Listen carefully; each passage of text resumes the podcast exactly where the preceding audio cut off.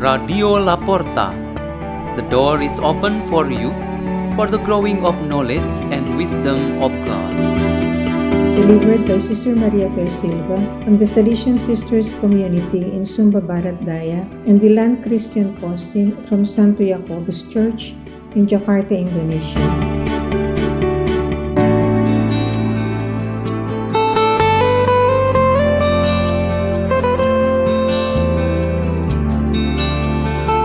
Reading and meditation of the Word of God on Wednesday of the 10th week of Ordinary Time, June 8, 2022.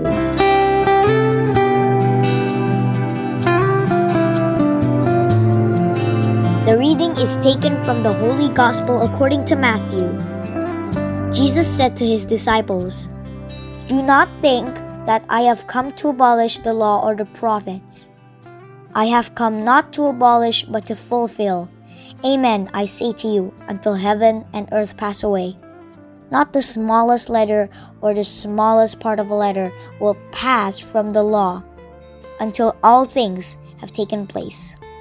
Therefore, whoever breaks one of the least of these commandments and teaches others to do so will be called least in the kingdom of heaven.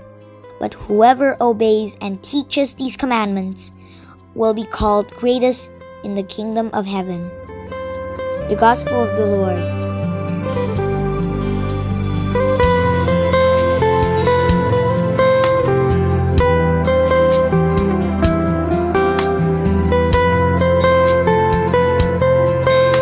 Our meditation today has the theme credit. In economic matters, credit is an activity to return goods or services until the amount of returns is declared complete. In other words, credit is a debt that must be repaid to the one who lent it.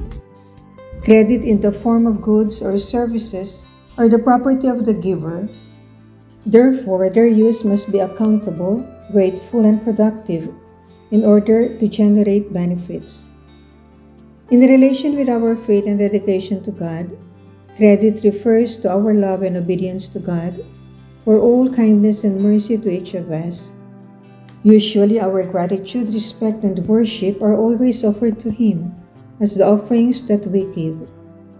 Not everyone offers God an extraordinary act, for example, in the form of shedding the blood like the martyrs or other extraordinary acts of love.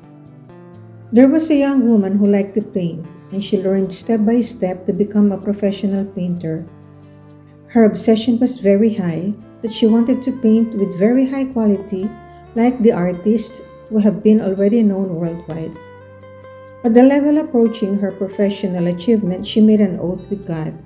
The first painting was about children playing in the field under the heavy rain. The result was very satisfying, and she received wide praises from her fans. Then she prayed, Thank God, you are really kind to me. The second painting on display was the farmers, who were harvesting rice. Her fans were increasingly praising her, and their numbers grew bigger. The promises of gifts increased, and she became more famous. And she prayed again, Lord, you are really kind and wise. I thank you abundantly from the bottom of my heart.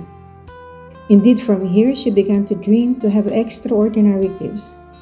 Then the third painting was a view of the modern city from the air. Before exhibition, she prayed like this Lord, I want to know the prices first, otherwise, I don't want to enter the exhibition arena.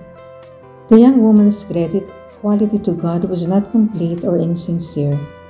At first, she was deeply indebted to God, but in the end, because of worldly lust, she actually demanded that God credits to her. God, on the contrary, should owe to her. Our first reading today says that Prophet Elijah desperately demanded credit from the believers to God. Even he had to fight against the prophets of Baal, believed in Judaism. If today Jesus proclaims the task of fulfilling God's law, we should try to repent from our sins for too much demanding from God to do more for us. Let us pray. In the name of the Father, and of the Son, and of the Holy Spirit. Amen. O most loving and generous Father, us people who are always grateful and responsible to the missions that you have entrusted to us. Our Father who art in heaven, hallowed be thy name. Thy kingdom come, thy will be done on earth as it is in heaven. Give us this day our daily bread and forgive us our trespasses, as we forgive those who trespass against us. And lead us not into temptation, but deliver us from evil. Amen. In the name of the Father, and of the Son, and of the Holy Spirit. Amen. Radio La Porta. The door is open for you.